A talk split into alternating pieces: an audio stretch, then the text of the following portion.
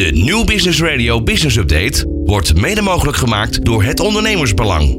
Het online platform voor en door ondernemers. Nieuw Business Radio. Update met Martine Houwert. Welkom en fijn dat je weer luistert. Hoe krijg je een organisatie of team in beweging en kun je vervolgens ook goed aansturen? Als je weet dat het begin vaak lastiger is dan je denkt, dan weet je dat de eerste stappen heel belangrijk zijn om vervolgens slim te kunnen regisseren en aan te sturen zodat het team groeit naar een nieuwe werkwijze. Je wilt dus van de ingezette beweging ook een way of working maken. Maar hoe pak je dat nou precies aan? En welke stappen heb je dan te zetten? Nou, daar gaan we vandaag over praten met als hoofdthema gedrag gedrags- en succesfactoren om de beweging te sturen. En dit bespreken we met een expert, namelijk Intensa. Zij coachen en trainen organisaties op het gebied van ontwikkelen van vaardigheden en gedrag op het gebied van sales, leiderschap, management, teamontwikkeling en klantimpact. Ik ben Martine Howard en mijn gasten vandaag zijn Mario Bierkens, oprichter en partner, en Freek Donkers, partner, beide bij Intensa. Van hippe start-up tot ijzersterke multinational. Iedereen praat mee op Nieuw Business Radio. Ja, daar zitten we inmiddels alweer voor de derde keer. Van harte welkom. Dankjewel. Voelt Fijn uh, dat jullie er zijn. Voelt Ja. als thuis. Voelt Ja. als thuis, hè? Ja, dat gaat al snel, hè? Wat Ja, dat dat gaat snel. Ja. Ja, heel goed. Eh Freek, om eventjes met jou te beginnen. Eh, ik stipte zojuist al aan wat jullie allemaal doen als Intensa. Kun jij eventjes uitleggen hoe jullie ooit zijn begonnen? Vanuit welke nou ja, vraag eigenlijk ook wel? Vanuit welke behoefte? Dat, dat kan ik zeker. Eh, 15 jaar geleden zijn we gestart. Dus vorig jaar hebben we zelfs ons 15-jarig bestaan al mogen vieren. Maar met name vanuit, wij zijn allemaal mensen die met heel veel passie trainingen, opleidingen verzorgden bij organisaties. Dat deden we zowel nationaal als internationaal. En als je dan eh, vier, vijf weken naar de rand eh, je deelnemers weer eens een keer tegenkwam, eh, Martine, dan, eh, ja, dan, dan waren ze altijd nog steeds wel enthousiast. Maar we zagen ook wel dat het lastig was om datgene wat we ingetraind hadden, om dat in de praktijk uit te blijven voeren. Ja, Ehm, ja, wij noemen dat regie zetten op dat, dat nieuwe gedrag. En de uitdaging is dan ook vaak in die tussenliggende tijd. Ja, hoe ga je dat nou doen? En hoe zorg je er ook voor dat dat dan ook geborgd wordt in een organisatie? Nou, daar hebben we eigenlijk ons vak van gemaakt. eh, door eh, met name te gaan kijken vanuit een aantal gedragssuccesfactoren. Wat kunnen we doen om die regie erop te zetten? Met heel veel ervaring vanuit eh, de praktijk in eh, opleidingen en trainingen. En dat is eh, gecombineerd bij Intensa. ja. Mario, wel een heel mooi vak volgens mij, hè? Geweldig vak. Ja. Ja. En wat maakt het zo mooi?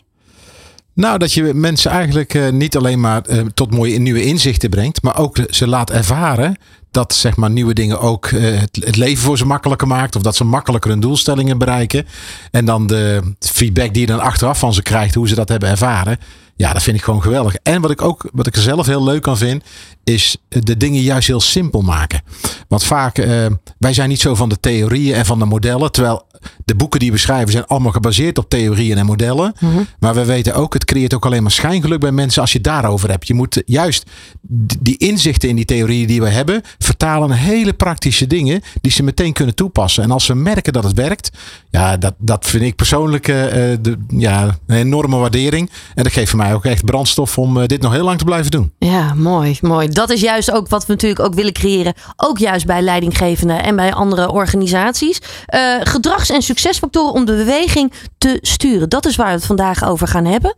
Ja. Ehm, als we dan eventjes kijken. Hè, eh, nadat je gestart bent, blijkt het ook echt een uitdaging om als leider ervoor te zorgen dat de gemaakte eerste stappen omgezet worden naar een duurzame werkwijze. Starten lukt dus wel, maar echt een duurzame werkwijze creëren, daar ligt dan ook nog weer de volgende uitdaging. Hoe komt dat?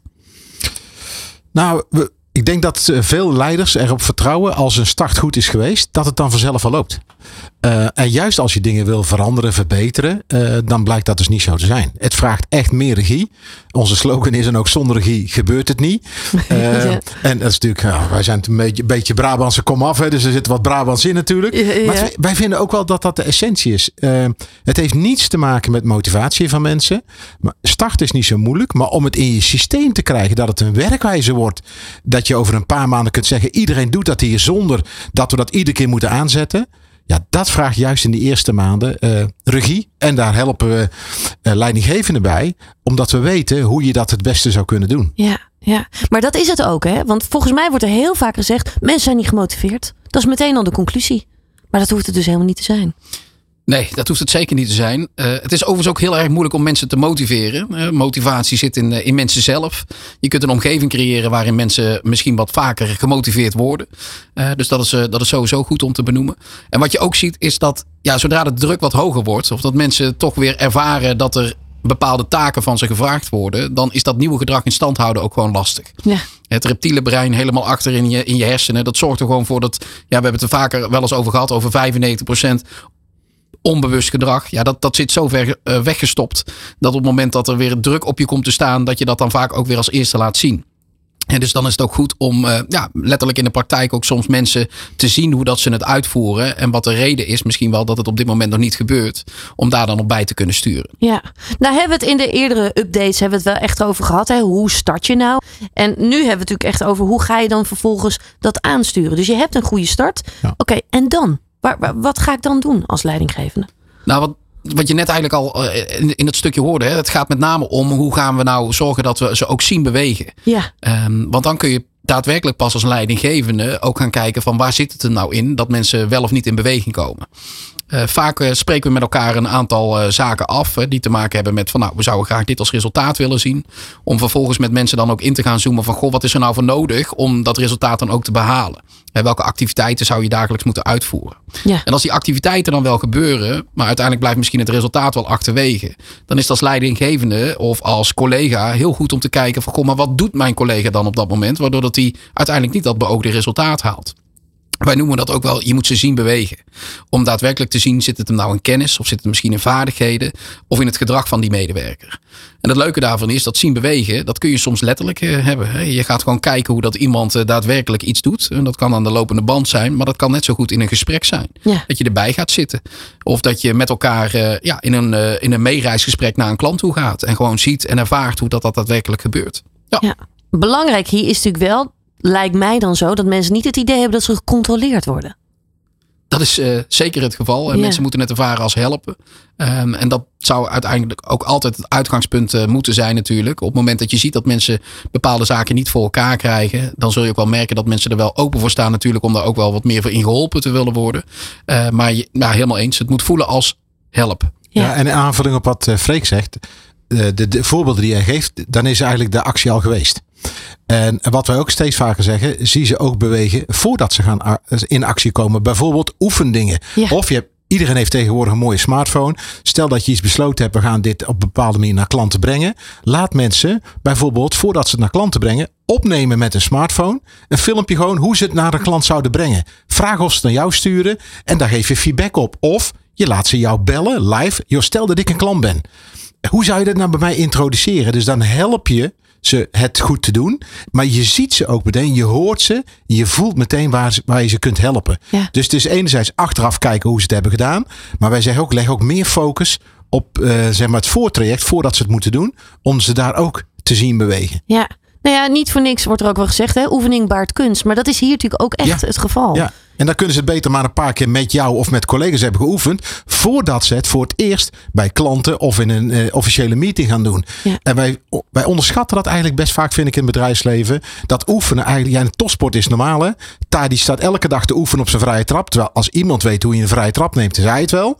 En in het bedrijfsleven lijkt dat oefenen onder, onderling toch een soort, ja, dat doe je alleen in een training, maar niet in een werksituatie. Ja, klopt. En het leuke hier ook weer is, je ziet dat mensen, als je een vraag stelt, hoe is het nou gegaan zojuist? Ja, dat is ook heel moeilijk voor mensen om dat terug te halen. Want 95% van datgene wat ze hebben laten zien, was onbewust gedrag. Dus als je dan vraagt, hoe vind je zelf dat het is gegaan? Of hoe, hoe liep het gesprek? Ja, dan krijg je ook vaak niet datgene terug wat juist in dat onbewuste heeft gezeten. Hè, Dus een hele mooie manier om dat onbewuste gedrag bewust te maken, is er vooraf op te oefenen of inderdaad een keer mee te reizen. Ja, ja. goede tip. Eh, een ander voorbeeld wat ik dan nog ook wel voor me zie, is dat je altijd bijvoorbeeld eh, eh, formats bijvoorbeeld op YouTube of op tv. Als het goed geoefend is van tevoren, zie je dat meteen ook terug. Wordt er pas geoefend ter plekke, ja, dan duurt het misschien nog wel een maand voordat het programma een beetje lekker loopt, Ja. zeg maar. Ja. En, en, en dat is natuurlijk wel net eventjes dat verschil. Zeker weten. Ja, ja. Ja, en ik vind ook als iemand iets nieuws moet gaan doen, dan geeft hem dat ook veel meer zelfvertrouwen als hij het of zij een paar keer heeft geoefend. Dus ik vind ook dat aspect is ook belangrijk. Het is niet alleen dat je als leidinggevende kunt zien, maar je gaat met een ander gevoel het veld op dan wanneer je het op het veld voor het eerst doet. ja. Wij laten vaak onze klanten in het begin van, van sessies eh, een keer de naam noteren met hun niet-schrijfhand. Om te ervaren hoe lastig dat het is. Ehm, en dat je dan ook meteen ziet dat het langzamer gaat en dat de kwaliteit minder is. Ehm, en dat mensen ook ja, uiteindelijk niet zeggen van nou, hier ben ik zo enthousiast over geworden, dit blijf ik de rest van mijn leven doen. Maar als je dan vertelt hè, dat uh, als in de Fortune 500 bijvoorbeeld, hè, daar staat Bill Gates, daar staat Elon Musk, er zijn er nog een aantal die gewoon dagelijks met links en met rechts afwisselen het toetsenbord bedienen, de muis bedienen, schrijven. Nou, dan zie je vaak toch wel de gelukspoppetjes bij heel veel mensen weer in de ogen komen. Dat ze merken van nou, misschien als ik dat na vandaag ga doen. En dan word ik ook veel succesvoller. Ja. En dan laten we ze bewust na vijf minuten gewoon een simpele vraag, een antwoord noteren. En dan zie je toch dat bijna de hele zaal op dat moment allemaal weer schrijft met een normale schrijfhand. Terwijl je net daarvoor mensen nog nooit zo zielsgelukkig hebt zien kijken om uiteindelijk eh, succesvol te kunnen worden. Nou, en dit heeft alles weer te maken met, ja, we willen misschien wel, maar door de waan van de dag vallen we heel vaak terug in oude patronen. Ja, ja. ja. Er is dus behoorlijk wat nodig om dus juist die oude patronen te doorbreken. Je wil juist dus ook creëren dat die gedrags- en succesfactoren uh, nou ja, veranderen door juist die beweging te sturen. Dat is een heel belangrijk iets. Dan wil je ook juist die groene golf creëren. Maar wat bedoelen we daar dan precies mee? Ja, dat is, dat leuk om even uit te leggen. Groen gedrag zeggen wij, dat is eigenlijk het gedrag wat je wil als, als leidinggever. En daar zullen we later wat meer over vertellen als wij het stoplichtmodel hanteren. Maar groen is juist het gedrag waar je naar op zoek bent. En wat je graag in je bedrijf wil zien. En eh, op het moment dat je begint, zeggen we ook altijd, beweging is al groen gedrag. Het hoeft niet tot resultaat te leiden als je maar ziet dat mensen dat aan het toepassen zijn uh, wat je hebt afgesproken. Ja. En stel dat je uh, dan gaat toepassen, dan is het uitermate belangrijk als iemand iets gedaan heeft, dat je hem zelf tot het inzicht laat komen. Wat heb je nu gedaan waardoor het je gelukt is? Twee is, wat heeft het jou gebracht? En drie is, in welke situaties zou je dit nou de komende week nog meer kunnen toepassen? En als je die manier van sturen hanteert, dan stijgt het zelfvertrouwen en mensen gaan uh, zelf ontdekken waar ze dit allemaal nog meer zouden kunnen doen. En dan creëer je een soort groene golf die steeds groter gaat worden. Uh, en dat is wat je wil. Steeds meer groen gedrag in je team. Ja, en je creëert dus ook wel een stukje bewustzijn doordat je de juiste vragen dus ook aan ja. mensen stelt. Ja, ja. Zeker weten. Ja. Net, dat is grappig. Als iets niet lukt, dan zijn mensen heel goed in staat om uit te leggen waardoor het niet gelukt is. Als iets wel lukt en je vraagt aan mensen: hoe komt het nu dat het je gelukt is? Ja, nou, dat ging gewoon lekker. Die klant werkte mee of die collega die zat ook goed in de wedstrijd. En wij zeggen dat is bijna nooit het geval. Dat komt doordat iets wat jij hebt gedaan, dat heeft veroorzaakt dat het nu beter ging. Maar het is best moeilijk om iets wat goed gaat ook een beetje te analyseren. En daar helpt er dus een leidinggevende bij om als het ware het succesrecept van die medewerker eh, te ontdekken en dan de kopieermachine aan te zetten dat hij of zij dat vaker gaat doen. Ja, ja, mooi. Mooi hoe jullie dat omschrijven. Als we dan kijken naar stoplichtsturing, je noemde het zojuist al, Mario. Freek, hoe ziet dat er dan echt uit? Nou, stoplicht heeft in dit geval ook natuurlijk drie kleuren. Zeker. We, we kennen allemaal groen en we kennen allemaal rood en oranje. Maar in dit geval betekent het vaak, als je kijkt naar nieuw gedrag, is het goed om je mensen ook meteen in te delen volgens het stoplichtmodel. Uh, en het stoplichtmodel, dat hanteren we, dat we zeggen als mensen in beweging komen en ze halen ook meteen de juiste resultaten. Dat is in onze ogen groen gedrag. Dan hebben we in het midden natuurlijk een, een, groep mensen die komt wel in beweging, die willen wel graag, maar die lukt het op de een of andere manier nog niet. Ja. Dat kan hem zitten in kennis of in vaardigheden of in het juiste gedrag. Um, en je hebt ook een groep, ja, die komt gewoon niet in beweging omdat ze misschien het niet interessant vinden of willen blijven hangen in datgene wat ze eerder deden. Maar in dat geval geen beweging en ook geen resultaat halen. Dat is over het algemeen rood gedrag. Nou, wie krijgt nou de meeste aandacht in een organisatie? Dat is eigenlijk de vraag bij stoplichtsturing. Ja. Geef de juiste mensen de juiste aandacht. Over het algemeen zul je zien dat rood gedrag lukt niet, kan niet, bestaat niet, werkt hier niet, zitten onze klanten niet op te wachten. Hebben we al een keer eerder geprobeerd. Dat heel veel managers geneigd zijn om die groep ja, juist de aandacht te gaan geven. Om ze erbij te betrekken en toch te laten uh, inzien of te overtuigen van het feit dat het wel werkt. Terwijl je juist aan de voorkant natuurlijk die groenen die in beweging komen en ook het juiste resultaat halen. Ja, daar moet je aandacht naar uit. Uh, want sterker nog, als je nu kijkt in organisaties, wie vertrekken er nou als eerste in een organisatie? Zijn dat je groen of zijn dat je rode? Nou, we hopen soms dat het die rode zijn, maar in de praktijk wijst uit ja, dat het toch die groene zijn. Ja, Die krijgen minder aandacht, waardoor dat ze ja, toch ook vaak wat meer open gaan staan voor de signalen die ze van buiten afkrijgen. Ja, en dat zijn juist ook de mensen die willen groeien. Die willen juist geprikkeld worden. Die willen verandering. Juist, hè, dus daar de juiste aandacht op zetten. Die mensen ook een podium bieden om uit te leggen wat ze gedaan hebben. Om ervoor te zorgen dat de groene golf, zoals we die eerder benoemd hebben, uiteindelijk ook ja, meegenomen gaat worden. En zo kun je ook verschillende sturingselementen als manager inzetten op groen, rood en oranje gedrag. Ja, Ja, wat we, omdat bij managers natuurlijk ook 95% onbewust gedrag is, helpen we managers voor de start van het programma om na te denken hoe ga jij eh, groen, oranje en rood aandacht geven. Hoe ziet dat eruit? Bijvoorbeeld ook voor de oranje.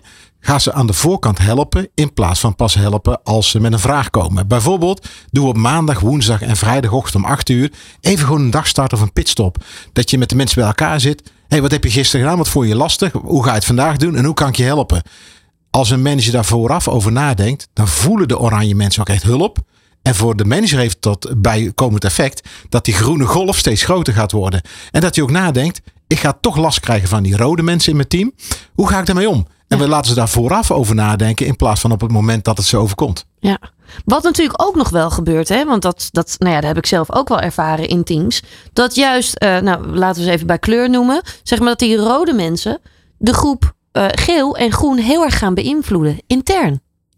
Ja, zeker als jij als leidinggevende die aandacht niet aan die groep geeft. Dan zijn, die, dan zijn de groene en de oranje daar ook heel gevoelig voor. Ja. Maar als je het goed aanpakt als manager en je zegt de eerste vier tot zes maanden van de verandering, focus ik me vooral op groen en oranje. Daar zet ik al mijn energie op. Dan zul je merken dat rode ook voelen dat er geen voedingsbodem in het team is. Want als hij iets zegt, ja, Mario die coacht ons onvoldoende. Dan zeg ik, nou, dat herken ik helemaal niet. Want hij is drie keer in de week met mij bezig. En dan merkt rood eigenlijk, hé, hey, ik het lukt mij niet om medestanders te krijgen. En dan zijn er eigenlijk altijd maar twee opties.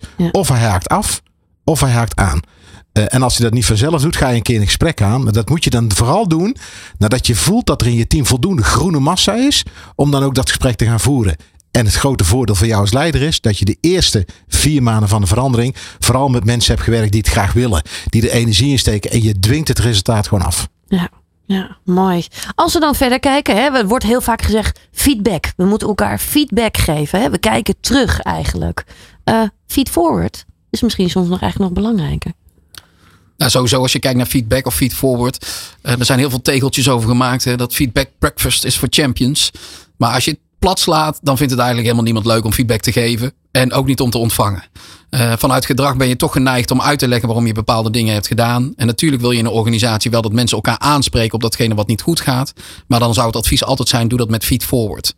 Feed forward gaat ervan uit dat je niet gaat terugkijken, maar dat je met name mensen meeneemt in. Stel dat je nou de volgende keer weer zo'n gesprek zou hebben. En je zou iets meer verbinding willen maken. Welke twee vragen zou je dan extra kunnen stellen om dat ook te realiseren? En wat je daarmee doet, is dat je eigenlijk de ander dwingt om in de toestand te komen in plaats van in de uitverdedigstand.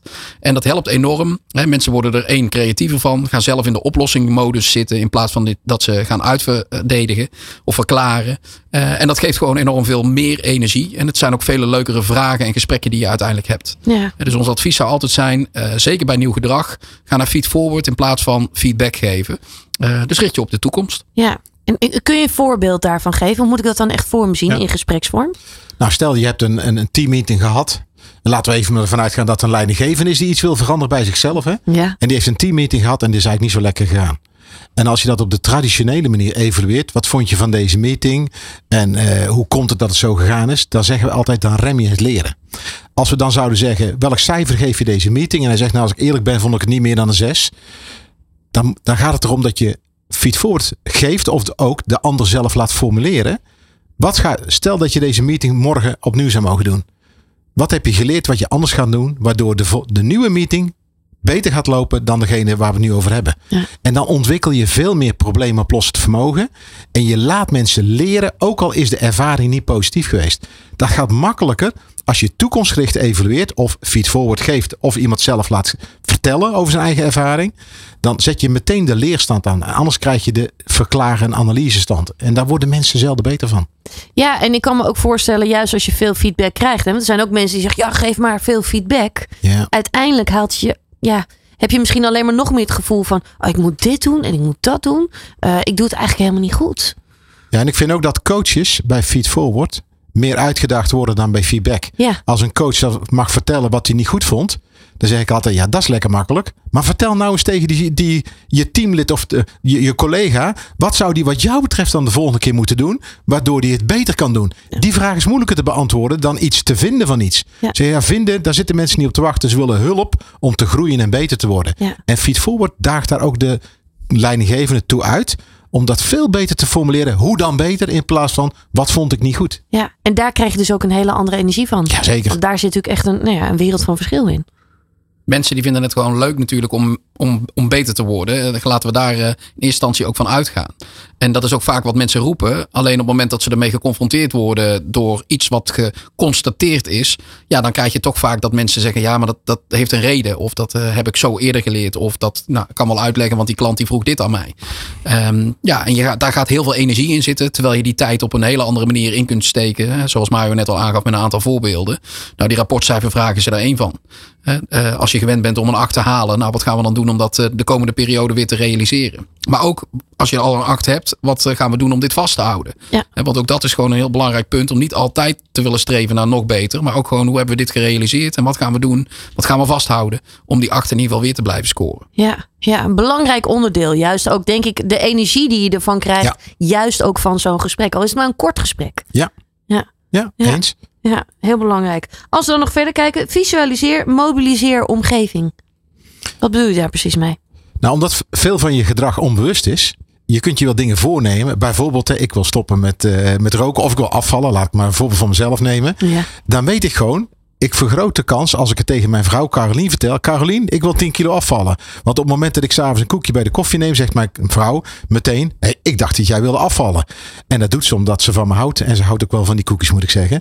Maar uh, ik, je merkt dan dat, en dat kan in dit geval een collega zijn of je partner, maar het kan ook je telefoon zijn.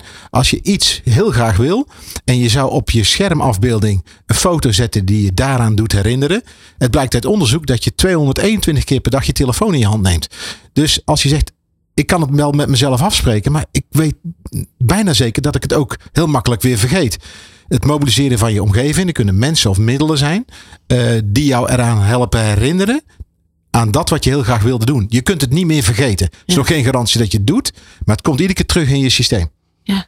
Ja, een mooi voorbeeld uit de praktijk. Ik heb ooit een keer in een supermarktketen in, in Nederland het meegemaakt. Dat is een supermarktketen en die heeft aan de muur een aantal ja, zaken hangen waarvan ze zeggen van joh, dit, dit willen wij graag uitstralen.